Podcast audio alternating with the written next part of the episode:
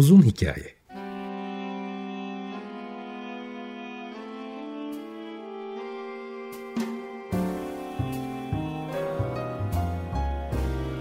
Sinir bilim, psikoloji, felsefe ve müzik.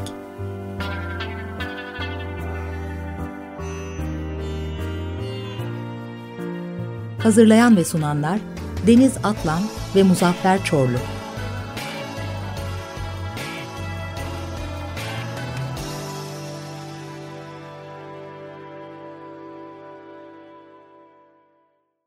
95.0 Açık Radyo'dan, Açık ve onun uzun hikayesinden herkese iyi sabahlar. Daha önceden e, Cüneyt Özdaş'la program yapmıştık. O zaman da konumuz renkler olacaktı. Fakat e, aslında giriş programı oldu. Ben de demiştim ki e, renkler konusuna hem işin fizyolojisi, psikolojisi, sinir bilimi ve e, psikofizik taraflarını da ele alarak daha kapsamlı e, yapacağız. Ve ben de o programa gene Cüneyt Özdaş'ı çağıracağım demiştim. Cüneyt hoş geldin öncelikle. Hoş bulduk yeniden. Günaydın. Teşekkür ederim katıldığın için. Şimdi asıl bugünkü program senin daha e, kendini iyi hissettiğin, e, en azından e, daha güvenli, uzmanıyım diyebilirim dediğin konu olduğu için hazırladığımız akışta e, güzel sorularla devam edeceğiz. Çok şey öğreneceğimi şimdiden ben biliyorum. Çünkü akışın nasıl gideceğini bildiğim için.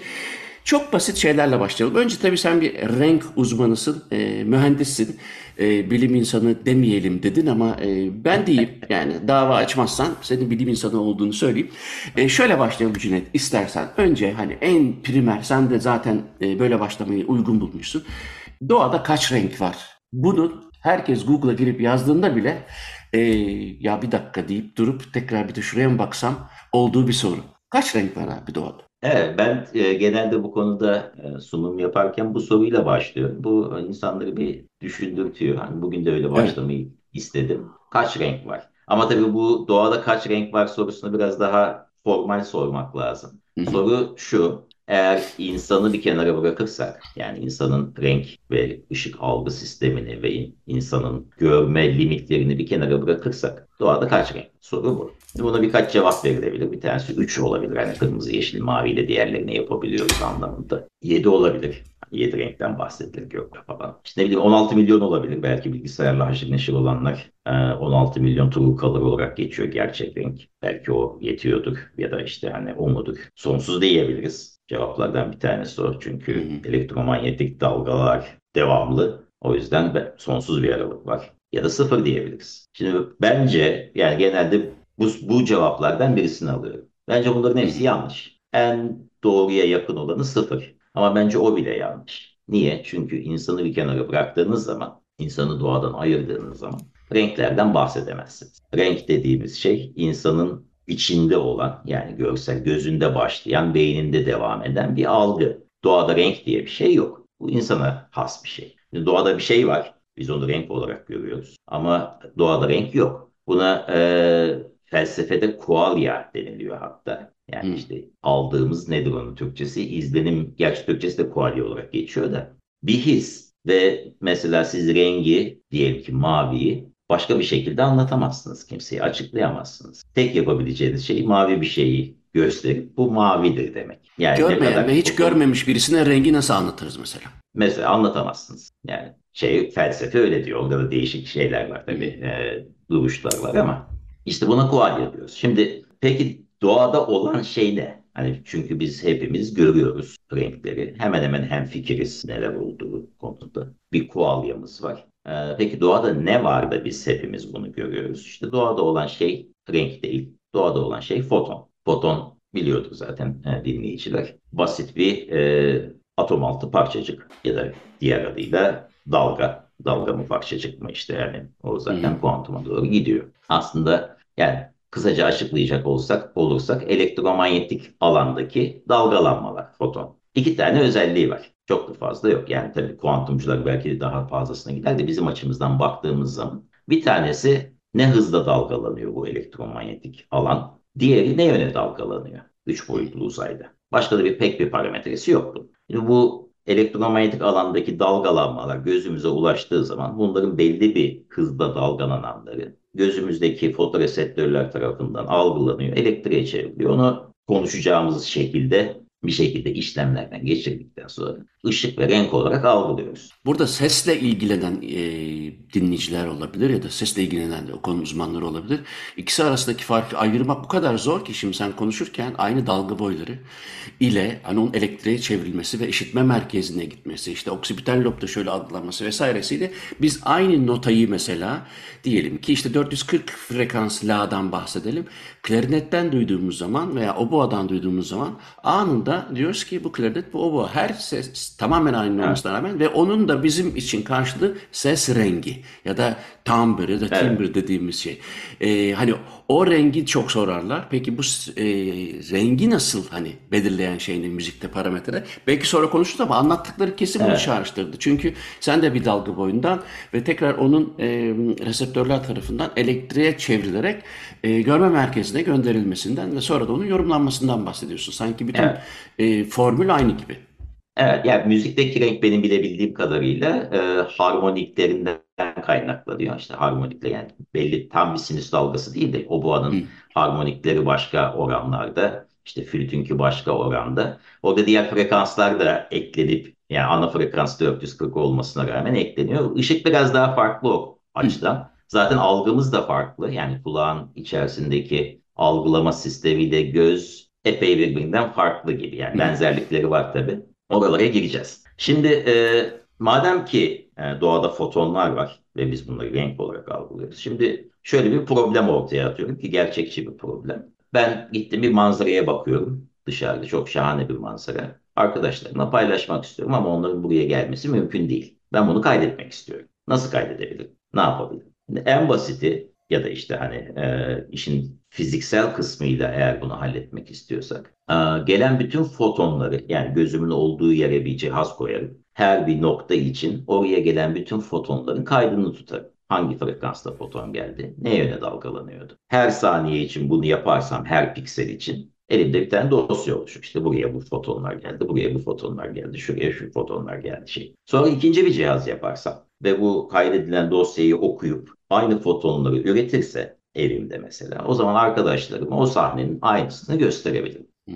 Ve bu doğadakiyle tamamen eşdeş e, bir şey olur. Görüntü üretimi olur. Buna hem insanlar baktığında hem kuşlar baktığında hem böcekler baktığında hem değişik kameralar baktığında aynı şeyi görür. Şimdi burada bir problem var yalnız büyük bir problem. Ee, gözümüze her saniye işte ışık şiddetine bağlı olarak milyarlarca hatta yüz milyarlarca foton geliyor. İşte bunların her birini böyle listeleyecek. Bu hızda hani saniyede kadar geliyor. Her saniye bunu alacaksınız. Ee, listeleyeceksiniz. Böyle bir cihaz yok. Böyle bir cihaz yapamıyoruz. Yapsak bile çok pahalı olur. Bir de bu listeyi okuyup aynı fotonları üretecek bir cihazımız da yok. O zaman bu iş burada yatıyor. Yani fiziksel olarak bunu yapamıyoruz. Bunu kolaylaştırmamız gerekiyor bir şekilde. Onu da yapabilmemiz için gözün artık limitlerine bakmamız gerekiyor. Yani evet ben bunları fotonların aynısını yapamıyorum ama zaten göz fotonların aynısını istiyor mu acaba? Burada işte buna görüntü üretme ya da işte renk,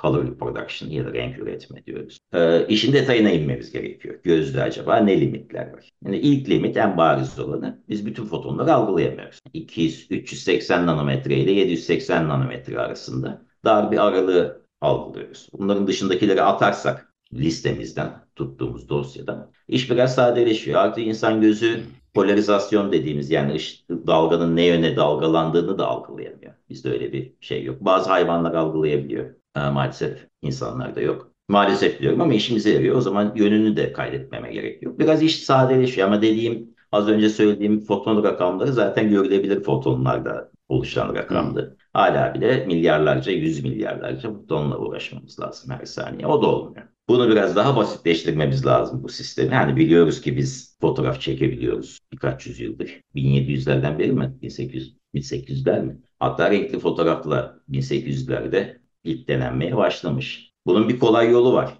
Bu da insan gözünün daha çok limitlerine girerek ancak çıkartabiliyoruz. O yüzden insan gözü nasıl çalışıyor, renkleri nasıl algılıyoruz ona bakmamız lazım. Şimdi ona bakacağız.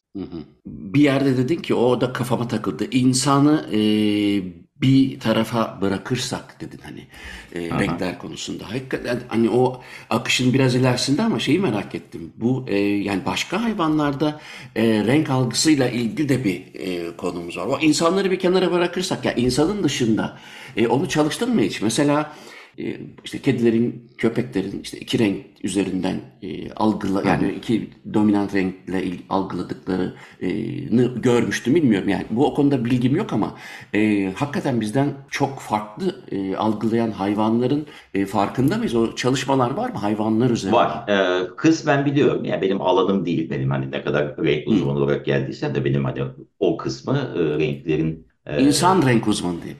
İnsan yani insan da bilgisayardaki renk uzmanı olarak desek hadi o zaman belki biraz tutuyor. Ee, ama şey okudum ettim ee, kısmen hmm. karşıma çıktı. Yani biliyorum mesela hani memelilerde genelde iki reseptör var. Ama şimdi reseptörleri anlatacağız. Ondan sonra biraz daha mantık yapacak. Tamam. Biz primatlar olarak, maymunlar olarak üç tane reseptöre sahibiz. Kimisi tek e, reseptöre sahip, onlar hiç renk görmüyorlar. E, kimisi biraz daha işte hani e, insanlarda renk körlüğüne denk gelecek şekilde görüyorlar. Diğer tarafa gidersek bazı hayvanlar da bizden daha e, çok ölçüm yapıyor diye. Ama şimdi o, o kısmı bir anlatalım. E, ne demek bu tamam, reseptör tamam. sayısı, Oraya gidelim demek, istersen. nasıl çalışıyor? Hı.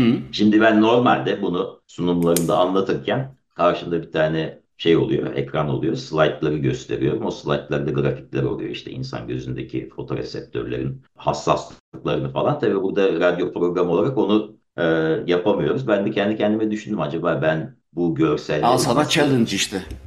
Ha, yani nasıl ben bunu insanların hani bu konuya da çok haşır neşir olmayan insanların ağzında bir aklında bir resme dönüştürebilirim diye düşündüm. Sonra aklıma garip bir fikir geldi. Deneyeceğiz bakalım hani ne kadar anlatacağız. Ne kadar başarılı olacak. Şey aklıma geldi. Dalga boylarını e, balık boylarına benzetip bunu bir lüfer çiftliği ya da işte hani lüfercilik ya balıkçılık yapan bir lüferliği av, e, avlayan bir firma olarak anlatmayı bir deneyeceğim bakalım. E, şimdi şey bu. E, challenge, challenge'ımız bu. Şimdi diyelim ki mizansen şu. Biz bir e, lüfercilikle uğraşan bir firmayız. Bir sürü teknemiz var. Bu tekneler denize gidiyorlar. Lüfer avlayıp geliyorlar. Şimdi niye lüferi seçtim? Çünkü lüferin değişik boylarının değişik isimleri var. Küçüklerine evet. çinekop.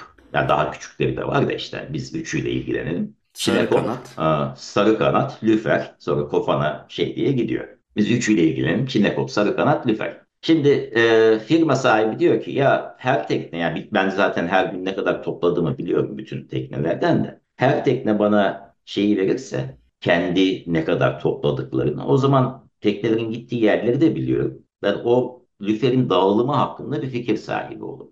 Yani nerede ne kadar ne, nerede daha çok lüfer var, nerede daha az lüfer var. Diyor ki teknelere siz şeye geldikten sonra işte avdan geldikten sonra tartın bana söyleyin. Tartıyorlar. Birisi 100 kilo çıkartıyor, biri 50 kilo çıkartıyor vesaire. Bu güzel, kullanışlı bir bilgi. Denizin neresinde ne kadar çok lüfer olduğunu gösteriyor. Diğer parametreleri hani eşit olduğunu varsayıyoruz. Bu siyah beyaz görüntüye denk geliyor. Yani bütün fotonları ayrı sayarsanız nerede ne kadar çok foton oldu, nereden çok foton geldi, nerenin parlak olduğunu görme. Bu hani denizin yaklaşık olarak bir siyah beyaz lüfer haritasını, görüntüsünü çıkartıyoruz. Bir süre sonra sahibi diyor ki ya evet bu güzel kullanışlı bir bilgi. Hani oraya daha çok belki tekne gönderiyoruz. Çok lüfer çıkan yere. Ama diyor satış açısından e, büyük balıklar daha elverişli. Ama bazen de küçük balıkları çok istiyorlar. Yani çinekop isteyen de çok oluyor bazen. Buna göre biz aslında nerede küçük balık var, nerede büyük balık var. Onları bilebilirsek bayağı işimize yarayacak. O zaman bunu öğrenmek için teknelere şey soruyor. Diyor ki geldikten sonra iki ölçüm yap. Büyüklerle küçükleri ayırın. Bana büyük balık ne kadar tuttunuz, küçük balık ne kadar tuttunuz onu söyleyin. Ama bunu çok hassas yapmanıza gerek yok. Yani işte hani kabaca ayırsanız yeter. Ne bileyim elin, elinizde e, atıyorum 20 santimlik balık varsa küçük de yani duruma göre küçük küçüğe de sayabilirsiniz, büyüğe de sayabilirsiniz. Ama 35 santim varsa büyüğe sayılıyor. İşte ne bileyim 10-15 santimse küçüğe sayılıyor gibi. Şimdi buradan teknelerinden gelen verilere bakarak bir nerede çok balık var, az balık var. Zaten onu bulabiliyoruz toplamlara bakarak. İkincisi nerede küçük balıklar var, nerede büyük balıklar var bunu bilebiliyoruz. Bu şimdi işte bahsettiğimiz iki fotoreseptörlü hayvanların renk algısına benziyor. Yani hem parlaklığı biliyorum nerede çok balık olduğunu. Öteki taraftan balıkların dağılımı hakkında da kız kabaca bir şeyim var. Fikrim var. Burada tabii yani düşünürseniz sadece iki rakam çıkıyor bir sürü balık toplanmışken. iki rakama indirgiyoruz biz bunu. Küçüklerine kadar, büyüklerine kadar. Aradaki detaylar kayboluyor. Mesela teknelerden bir, birisi her boyda balık yakalamış olabilir. 10 santimden 40 santime kadar 10 var, 11 var, 12 var, 13 var, 15 var hepsinden var. Eşit miktarda yaklaşık. Bu mesela taktığı zaman eğer ortadan böldüyse 50 kilo küçük 50 kilo büyük diye gösterecek. Başka bir tekne ne bileyim sarı kanatlara denk geldi. 18-20 santim arası. 18'leri bir tarafa koydu, 20'leri bir tarafa koydu. O da 50-50 çıkar. Buradaki dikkat et, etmemiz gereken nokta iki ayrı dağılım bize aynı rakamı veriyor. Ama burada parametrelerin standartizasyonunda bir şey yok mu sorayım? Ee, kısmen var ama yani onların standart olduğunu ve aslında yani ben şimdi normalde de gözümüzde böyle bir e, hmm. bir fonksiyonlar şeklinde üst üste biniyor. Ben o yüzden de burada analojiler tabii her zaman için bir yerde hmm. patlıyor. Hani zaten balıkçılıkla uğraşan da bir kaşı göz oynuyordur herhalde bunu dinleyince. Affola yani oradaki analojide hata kusuru olmaz. Neticede yani öyle olduğunu varsayalım ama her halükarda yani eğer parametreler değişiyorsa bile o kadar standart değilse bile gelen rakamlarda çok değişik dağılımlar olabilir. Yani ana konumuz o. Ana fikir o. Yani bir tarafta 50-50 şöyle çıkabilir. Sadece 10 santimlik 50 kilo yakalamış olabilirsiniz. Onun yanına bir de 40 santimlik balıklardan bir 50 kilo yakalamış olabilirsiniz. Sadece iki boy var. Bu 50-50 rakamı veriyor. İlk bahsettiğim gibi hepsi eşit sayıda var. Bir sürü boy. Bu da 50-50 rakamı veriyor. Ya da 18'ler var, 22'ler var. Eğer 20'den böldüyseniz bu da 50-50 rakamı veriyor. Bunun ışıktaki, renkteki karşılığı metamer dediğimiz bir konu. Ve bu e, rengi yeniden üretmemizi sağlayan kilit nokta. Metamerizm şey, olarak. Metamerizm olarak geçiyor. Yani e, bu işte gözün e, limiti eğer iki fotoreseptörlü bir hayvansanız çoğu memeli gibi o zaman siz gelen fotonlarda çok küçük ve çok büyük mü var? İki tane. Yani iki tane lazer ışığı gibi düş düşünebiliriz. Yoksa e, akkor bir lambadan çıkan fotonlar gibi her fotondan neredeyse eşit sayıda mı var? Bunu bilemiyoruz. Bile o şeyi göremiyorsun. Şimdi insanlarda üçüncü bir şey var. Kova var ölçeceksin. Bu da ne bileyim diyelim ki bu e, balık e, firmasının sahibi dedi ki ya bir de sarı kanatları da bir görelim. Hani büyük bu problemi belki fark etti. Dedi ki bir tane daha kova koyalım. Herkes iki ölçüm yerine üç ölçüm yapsın. O zaman biraz daha dağılım hakkında biraz daha fikrimiz olur. Ama problem hala devam ediyor. Yani problem biraz orta, orta kısmını çözdük. Hani orta boylar varsa anlıyoruz da gene de bu sefer iki rakam yerine üç rakam üretiyoruz. Ama bu üç rakamı veren çok değişik dağılımlar olabilir. Yine hani en basiti. Hepsinden eşit sayıda olabilir. Ne bileyim 10 kilo 10 kilo 10 kilo çıkmış olabilir. Ya da e, yine 10 kilo 10 kilo 10 kiloyu sadece en küçük balıklardan 10 kilo. Ortanca balıkların ne bileyim belli bir şeyinde büyüklüğü 20 20 santimlik 10 kilo başka balık olabilir. 40 santimlik 10 kilo başka bir balık olabilir. Bu da 10-10 rakamını veriyor. İşte ne bileyim 10 santimden 50 e, santime kadar bütün boyutlarda balıklar varsa bu da 10-10 rakamını veriyor. Yani burada şey dağılımını kaçırıyoruz. İşte bu bize renkleri başka şekilde yapma e, lüksü veriyor. Yani ben bir rengi bir gördüğüm bir ışığı yeniden üretmek için bütün o fotonları, bütün balıkların boylarını kaydetmeme gerek yok. Sadece gözüm ne kadar ölçtüğünü biliyorsam ki 3 tane ölçtüğünü biliyoruz. O zaman ben 3 tane düzgün iyi ayarlanmış balık boyuyla bütün bu rakamların hepsini çıkartabilirim. İşin şeyi e, kilit noktası bu. Peki e, şeyde mesela aklıma sen konuşurken geldi.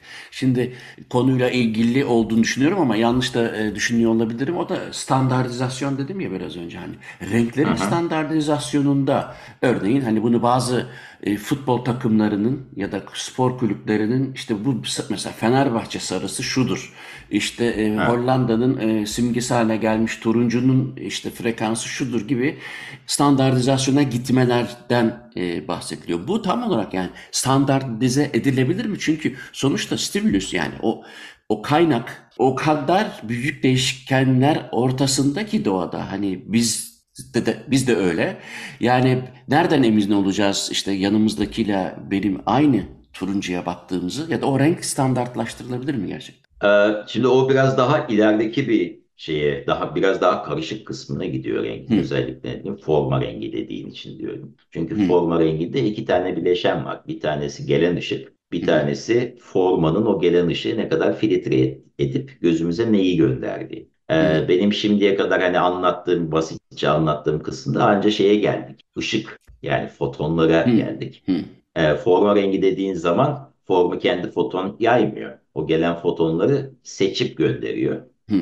Ama tabii renklerin çoğunu da biz cisimlerin rengi olarak görüyoruz. Kendi ışık üreten kaynaklar şeklinde değil. E, Hı. o yüzden hani otomatikman zaten orayı daha detaylı anlatmak gerekiyor. Tamam. Oraya o zaman hani e, detaylı anladım. Peki şey var. e, o, onu nereye yerleştirdim ben çok düşündüm. Sen bana yazdıktan sonra işte hayvanlardaki renk algısından bahsettik. Sonra orada sen e, bir e, peygamber devesi, karidesi örneği Ha. vermişsin. Ben de onu çok büyük tesadüf daha çok yakınlarda bir belgeselini belgeselde gördüm ve yani büyük hayranlık uyandıracak bir hayvan bir defa. Yani eğer hiç daha önceden duymamış görmemişseniz eğer e, şöyle bir Google'layın derim. Çünkü yani inan Yani o çok, inanılmaz çok ilginç bir hayvan. Yani sırf, Çok sırf ilginç görsel gerçekten. olarak değil, kendi çok renkli zaten. Ee, bir de galiba dünyanın en kuvvetli e, yumruklarından bir tanesine sahip. Evet, Bulunduğu en büyük katillerden falan. biri olarak geçiyor. Evet. Ya hakikaten şey bulun, e, onun bir onun hakkında yapılmış bir sürü e, şey var, film var. Onları iz- izleyin derim ya da işte internetten de arayabilirsiniz. Gerçekten çok Şimdi ilginç. hayvanlara bakalım. Yani umarım hani bu lüfer şeyi de hani lüfer ve kovalar nasıl Evet evet orası bence iyi bir. Analojisiyle- Yani aşağı evet. Hı hı. bir miktar açıklamıştır diye umuyorum. Şimdi insan gözünde iki temel tip hücre var. Ee, ışığa duyarlı. Bunlardan bir tanesi koni hücresi diyoruz. Bir tanesi de çubuk istiyoruz şekilleri Hı itibariyle. hı. Çubuk hücreleri ışığa daha hassas. Ee, genelde daha da Sayıca da tabii yüzlerce kat daha fazla değil mi Konya'ya göre? sayıca da fazla. Da- Yani şimdi zaten e, geçen bölümde de biraz bahsettik. Biyolojiyle ve işte evrim sonucu çıkan şeylerle uğraşırken zaten hiçbir şey homojen değil. Ee, insan gözü de çok optimize edilmiş. Yani belli bir işte o e, evrimsel süreçte optimize edilmiş bir yapıya sahip. Hiç homojen değil. Yani ne çözünürlüğü homojen, ne renk algısı homojen, ne hücrelerin büyüklükleri homojen. Ee, şey de böyle. e, çubuklar ve konilerde dağılımları değişiyor, e, büyüklükleri değişiyor.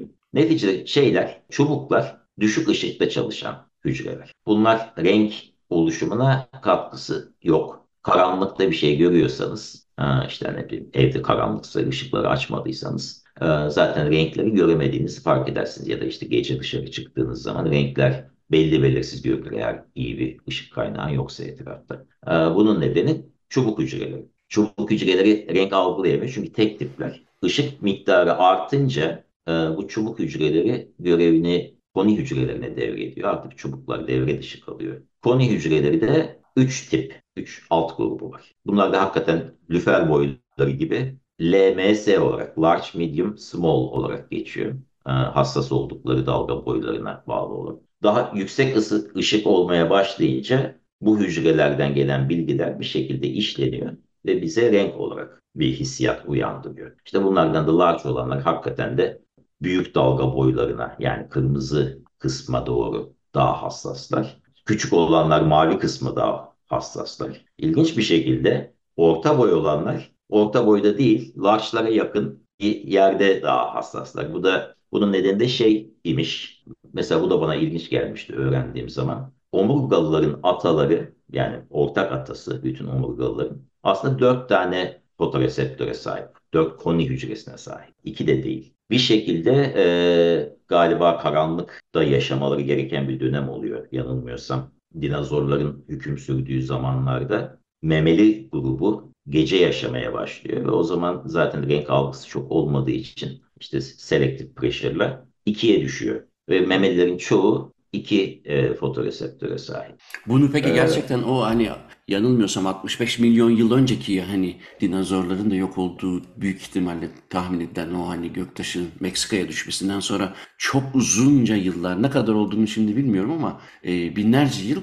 derin kalın tabakadan ötürü güneş ışığının geçmediği yıllara mı bağlıyorlar gerçekten? Bu evrimsel Yok ondan değil de e, ya benim anladığım kadarıyla benim de çok detaylı okuduğum bir konu değil. Benim anladığım kadarıyla dinozorlar hüküm sürerken yani daha öncesinden bahsediyoruz. Dinozorlar hüküm sürerken e, memeliler çok e, ortalıkta takılamıyorlar. Çünkü ha, şeyin hakimi onlar. O yüzden onlar gece gececil hayvanlar olmaya hmm, başladı. Hmm, Zaten işte küçük birkaç gece takılan hayvan. O yüzden başka bir sebeple e, anladım. Başka bir sebeple. Anladığım kadarıyla yani ama detaylarını çok bilmiyorum. Yaban yem olmama, yem olmama gerekçesiyle. Evet. Ben diye evet, düşünmüştüm evet. ama onu. Ee, o, onunla da ilgili belki şeyler vardır hakikaten. Evrimsel baskılar olmuştur. Ama yani benim okuduğum kadarıyla gözle ilgili e, neticede omurgalılar ataları dört tane fotoreseptöre sahipken memeliler bir şekilde ikiye düşüyor. Hatta memelilerin denizde olan işte e, yunuslar ve balinalar da bire iniyor. Hmm. Ama şeyde primatlarda üçe çıkıyor. Ama üçe çıkarken de işte bu genlerin hmm. gene duplication dediğimiz genlerin çoğalması ile oluyor. Kırmızıya hassas olan genler ya da kırmızıya hassas olan fotoreseptörleri yapan genler çoğalıyor, biraz mutasyona uğruyor. O biraz daha kaymış halini üretiyor. O yüzden bizdeki üçüncü şey e, fotoreseptör ikinciye çok yakın. Yani orta orta e, frekanslara hassas olun. Çok optimal bir çözüm değil gibi görünüyor. Çünkü çok daha böyle eşit aralıkla fotoreseptörleri yerleştiren hayvanlar var mesela. E, arılar onlardan bir tanesi. Onların da dört fotoreseptörü var. Bir tanesi ultraviyoleye doğru gidiyor. Diğerleri eşit aralıkla yayılmış gibi. Bizimki pek eşit aralıkla yayılmış değil. Bazı hayvanlar değişik yapılar kullanıyor. İşte yağ damlalarıyla hani fotoreseptör sayıları çok yüksek değil ama önlerinde renkli yağ damlacıkları var. Yani sanki kameralardaki şey gibi, filtre gibi. Onları biraz daha arttırmışlar ha, renk algılarını. Kuşların bazıları böyle. Ama işte şeye geliyoruz. Bu e, peygamber devesi karidesine. İsmi de çok karizmatik. Yani tabii Türkçesi öyle de hani Mantis Shrimp e, İngilizcesi Türkçesi böyle bir şeye gidiyorduk onu da bilmiyorum. Neyse şimdi bu bu hayvanı e, gördükleri zaman gözleri çok ilginç zaten. Bir bu hayvan hani baştan bahsettim ya e, elektromanyetik alandaki dalgalanmalar diye fotonları ve bu dalgalanmaların yönünü biz görmediğimiz için hani konu dışında bıraktık ama bu peygamber devesi karidesi görebiliyor. Hatta bazıları bütün polarizasyon komponentlerini görebiliyor. Yani hem e, dairesel polarizasyonu hem doğrusal polarizasyon. İşte bunu da kendi kabuklarından yansıyan e, ışığın polarize olmasına böylelikle işte e, çiftleşirken şey eşini bulma falan gibi nedenlere bağlıyorlar gördüğüm kadarıyla. Ama yani bizim konumuzla ilgili renklerle olan konuyla ilgili kısım Hani bazı hayvanlarda 2 var, 3 bizde 3 var dedik. Yani kimisinde 4 var dedik arılarda. Bu arkadaşlarda 16. Hatta bazı cinslerde biraz daha fazla galiba alt gruplarda. Değişik fotoreseptör var. Yani bütün spektrumu böyle 16'ya böl bölmüş 16 tane kova şeklinde sayıyorlar lüfer boylarını gibi düşünün. Ve daha da şeyi hani o da yetmemiş arkadaşa. Bazı fotoreseptörlerin boylarını da ayarlayabiliyor şeylerini, dalga boylarına, fotoreseptörlerin hassas olduğu. Buna da tunable tone response diyorlar. Böyle bir yaratık. Şimdi bunu ilk okuduğunuz zaman ki ben de yani ilk okuduğum zaman o, o zaman renkleri ne kadar şahane algılıyordur diye düşünüyorsunuz. E, fakat yapılan Vallahi öyle düşündüm. Bunun, e, her yani herkes öyle düşünmüş herhalde ama yapılan testler bunun böyle olmadığını gösteriyor çok ilginç bir şekilde. Hmm. Bunun nedeni de insanda birazdan e, biraz daha açıklarız. Üç tane ölçüm yaptık da o üç ölçümle kalmıyoruz biz tabii. Önce retinada başlayan sonra işte senin de bahsettiğin e, görsel kortekste devam eden bir hesaplama süreci var. E, evrimsel olarak evrimsel şeyde hani problem çözme aşamasında bu karidesler çok daha değişik bir yol izlemişler. Ya demişler ben hesapla hesapla uğraşmam. Ben bu bir sürü fotoreseptör yaparım değişik yerden ölçeceğim. Ben ölçümü şey yaparım, hassas yaparım. Hiçbir şey de hesaplamam diye başka bir e, çözüm üretmişler. Neticede insan gözünde, insan beyninde olan bu e, nörolojik şeyler, devreler, e, nöron ağları e, çok daha basit bu karideslerde. O yüzden renk algıları bayağı da kötü aslında. İlginç bir şekilde. Hı hı. Aslında yani e, yani de, benzetme yerinde olacak mı ama bilmiyorum. Bir şey alındığında diyelim ki 35 liralık bir şey alınacak. Elimizdeki kağıt paralardan bahsedelim. 5, 10, 20, 50, 100 var. Sonuçta 50 verip oradan 35 alıyoruz ama bu arkadaşların 1, 2, 3, 4, 5, 6, 7, yani 38 buçuk liralık bile banknot yapmışlar. Ama bu Güzel onların ama bu onların şeyden iyi anlayacağı anlamına gelmiyor olabilir. Hocam şöyle yapalım. Bir müzik arası verelim. Sonra retinadaki renk işlemlerine devam ederiz. Ee, ben şeyi seçtim. Aslında renkler ve müzik deyince aklıma gelen 2-3 tane besteci var. Scriabin gibi özellikle Messiaen gibi. Bir de onlardan bir tanesi de Georgi Ligeti.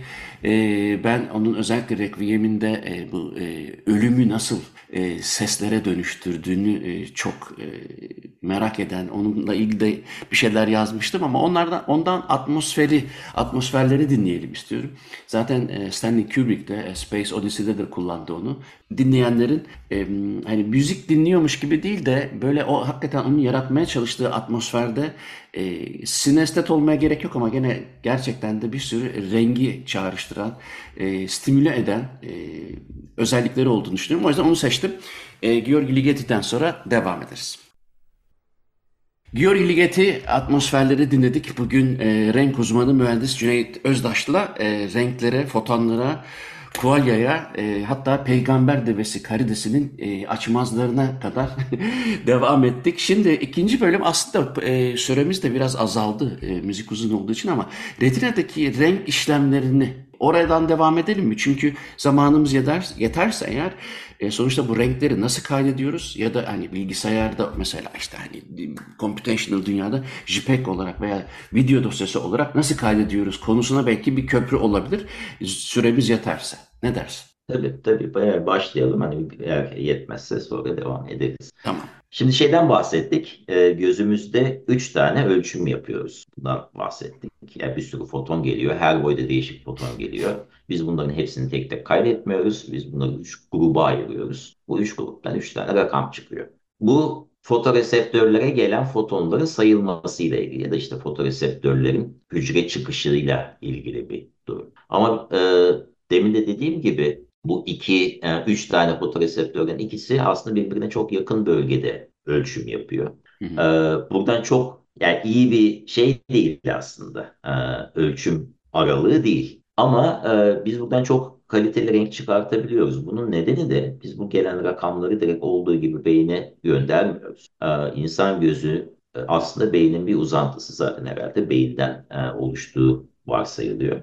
İnsan gözünde bu fotoreseptörlerin olduğu kısım ki aslında retinanın arka tarafında. Retina diğer bütün damarları, sinirleri ve diğer hücreleri geçip, diğer e, nöronları geçip fotoreseptöre ulaşıyor. Bu da hani gene e, evrimin bir şeyi, e, nedir, oyunu diyelim. Baş, bazı hayvanlarda biraz daha optimal, başka engelden geçmeden fotoreseptöre vuruyor. Neyse bu e, fotoreseptörlerden çıkan e, sinyaller ön taraftaki retinanın daha e, gözümüzün ön tarafına yakın kısımlardaki diğer nöronlara gidiyor. Ve burada yanılmıyorsam ya 3 ya 4 katman nöron var, sinir ağı var. Burada ön bir işleme tabi tutuluyor fotoreseptörden gelen rakamlar diyeyim. Gözümüzde yaklaşık e, yanılmıyorsam 100 milyona yakın hücre var. E, fotoreseptör var. Hücre demeyeyim pardon. Fotoreseptör hücre var. Beyne giden 1-2 milyon civarında işte optik nörden giden e, sinir Yani aslında toplanan bilgi gözde bayağı bir işleniyor. Biraz e, sıkıştırılıyor e, ve öyle gönderiliyor. Şeyden de bahsettik. E, hani gözün hiçbir tarafı homojen değil. E, gözünüzün tam ortasında fovea denilen e, işte retinanın tam böyle baktığınız yerde fovea denilen bir alan var. Orası orada mesela şey yok. Çubuk hücresi yok. Tamam kon hücresi, koni hücresi. E, çok daha yoğun oradaki şeyler, e, hücrelerin yerleşimi ve yüksek rezolasyonla gördüğümüz kısım o yüksek çözünürlükte. Büyüklüğü çok değil. Kolunuzu uzatıp e, baş parmağınızın tırnağına bakarsanız büyüklüğü o kadar. Ondan dışarıya doğru giderseniz işte makula falan diye değişik bölgeler var o tam ortadaki kısımdan sonra. Orada çözünürlük gittikçe düşüyor. Ve kenara işte şu ne bileyim hani e, elinizi salladığınız e, yerlere bakarsanız orada görüntü hemen hemen çok az bilgi taşıyor artık beyne ulaştığı zaman. Kenardaki kısımlar çok ilginç bir şekilde mesela kenardaki kısımlarda 100 tane hücrenin çıkışı bir şekilde işleniyor. Tek bir sinir olarak e, beyine gönderiyor. Tam fovea'da ise neredeyse fotoreseptör başına bir tane sinir beyine gidiyor. E, orası çok önemli. Zaten işte maküler dejenerasyon olduğu zaman körlük nedeni o kenar, kenarları görebiliyorsunuz ama ortadaki yüksek çözünürlük kısmı kaybettiğiniz için pek bir şey okuyamıyorsunuz. Ee, bunu hani denemek isterseniz gözünüzün kenarlarının ne kadar çözünürlüğünün düşük olduğunu e, bir yazı okurken bir satıra bakarken 3-4 satır yukarıya okumayı deneyin. Hani orada 3-4 satır olduğunu görüyorsunuz ama oradaki yazıları okuyamazsınız. Yani çözünürlük çok hızlı bir şekilde düşüyor. Ee, bu kenardaki işte o yüzlerce fotoreseptör çıkışının e, tek bir sinyal olarak gittiği yerlerde gözün amacı biraz da değişiyor. Yani orada artık görüntüden anlam çıkartma ya da şekil çıkartma değil, orada hareketi algılama daha önemli. Bu da gene e, evrimsel olarak ben karşıda bir şeyle ilgileniyorum ama kenardan, çok iyi yani. E, kenardan bir kaplan bana saldırıyorsa onu hemen algılayıp zaten bunu günlük hayatınızda da dikkat ederseniz fark edersiniz. Yani bir hareket olduğunu görürsünüz. Hatta bunu kendiniz de deneyebilirsiniz. Kolunuzu tam kenara açın. Elinizde bir hareket yapın. Parmak, parmaklarınızı tek tek göremezsiniz ama hareketi algılarsınız. Bir şeyi o gözün kenarının e, özelliği. Bir özelliği de e, ufku takip etmek. E, biliyorsunuz dengeyi sağlayan şeylerden bir tanesi kulak içerisindeki e, işte X, Y, Z şeklinde halkalar olan yapı, jiroskop gibi çalışan. Onunla birlikte çalışan gözün kenar kısımları yani dış algı kısımları. O ufku takip ediyor. Kulakta yer çekim ölçümü yapıyor. İkisi birbiriyle uyuşuyorsa her şey mükemmel. Ama eğer teknedeyseniz ya da araçtaysanız ve dışarıya bakmıyorsanız o zaman işte e, iç kulaktan şey geliyor ya hareket var ben sallanıyorum sinyali geliyor. Ama gözdeki ufuk takip eden devreler yok ya sallanmıyoruz. Her şey olduğu yerde duruyor. Sinyali gönderiyor. Bu ikisi çeliştiği zaman mideniz bulanıyor. Onu da herhalde işte herhalde zehirlendim ben devreler birbiriyle tut, örtüşmüyor. Ben yediklerimi çıkartayım herhalde zehirli bir şey refleksi midir artık bilmiyorum fazla spekülasyon yapmayayım. Öyle bir şey var dış bölgelerin. Bu virtual VR e, gözlüklerinde falan ilk başlarda yapılmaya başladığı zaman böyle bayağı problem olmuştu. Onu şey olarak çözdüler. Çözümlerden bir tanesi e, kafanızı hareket ettirirken gözlük dış bölgedeki görüntüyü kapatıyor. Sadece ortalık bölgede bir görüntü e, tutuyor. Hmm. Kafanızın hareketi bittiği zaman yeniden açıyor görüntüyü. Hmm. Mesela bunu yaptığı zaman şey problemi kalmıyor. İşte mide bulantısı problemi. Buna da işte şey deniyor, simulation sickness deniliyor. Deniz tutması gibi simülasyon tutması. Tam tersi. Çünkü bunda gözde hareket var, kulakta olmuyor gibi. İşte kafanızı hareket ettirirken dedim de şey, görüntü hareket ederken aslında. Şey bu, e, yapı bu. E, şimdi gözümüzde bu renklerin dediğim gibi orta kısımda e, neredeyse bir fotoreseptör başına bir sinir gidiyor ama her bir fotoreseptörün sonucu tek başına şeye gitmiyor, beyine gitmiyor. Burada yan yana duran fotoreseptörlerden işte farkı alınıyor. Buradan kenar var mı yok mu o bilgi çıkıyor. İşte bir tanesine ışık geliyorsa bir tanesine gelmiyorsa ha demek ki burada bir kenar var gibi bir bilgi çıkıyor. Artı değişik renklere duyarlı olan fotoreseptörlerin toplamları ve farkları alınıyor. Aynen bizim lüferlerde yaptığımız gibi yani toplam ne kadar lüfer var işte bunların bütün 3 tip hücreden, 3 tip e, koniden gelen rakamları toplayıp gönderirseniz bu toplam ışık miktarını veriyor. Birinci ile ikinci tip yani işte küçüklerle büyükler arasındaki farka bakarsanız da o zaman mavi ile işte onun tabi matematiği biraz daha karışık sık birbirlerinin farkına bakmıyor da mavi sarı ekseni diye bir eksende bir bilgi gönderiliyor. Ne kadar mavi ne kadar sarı. Bir diğer eksende giden beyne kırmızı mı yeşil mi ekseni. Gene de işte o hani toplam parlaklıktan e, kırmızı ile yeşil e, farkı gibi çıkartılıyor bir bilgi. Bu şeyde çok işimize e, yarıyor. Bilgisayarda görüntüyü e, sıkıştırmak için. Çünkü en önemli bilgi toplam e, foton miktarı, toplam balık miktarı. Ne kadar lüferimiz var bu çok önemli. E, ve işte kenarların bulunması, gördüğümüz görüntüyü algılama genelde bu ana kanal üzerinden alıyor. İkinci renk dağılım kan bilgisi biraz daha e, düşük çözünürlüklü. Çünkü hücrelerin farklarına falan bakılıyor.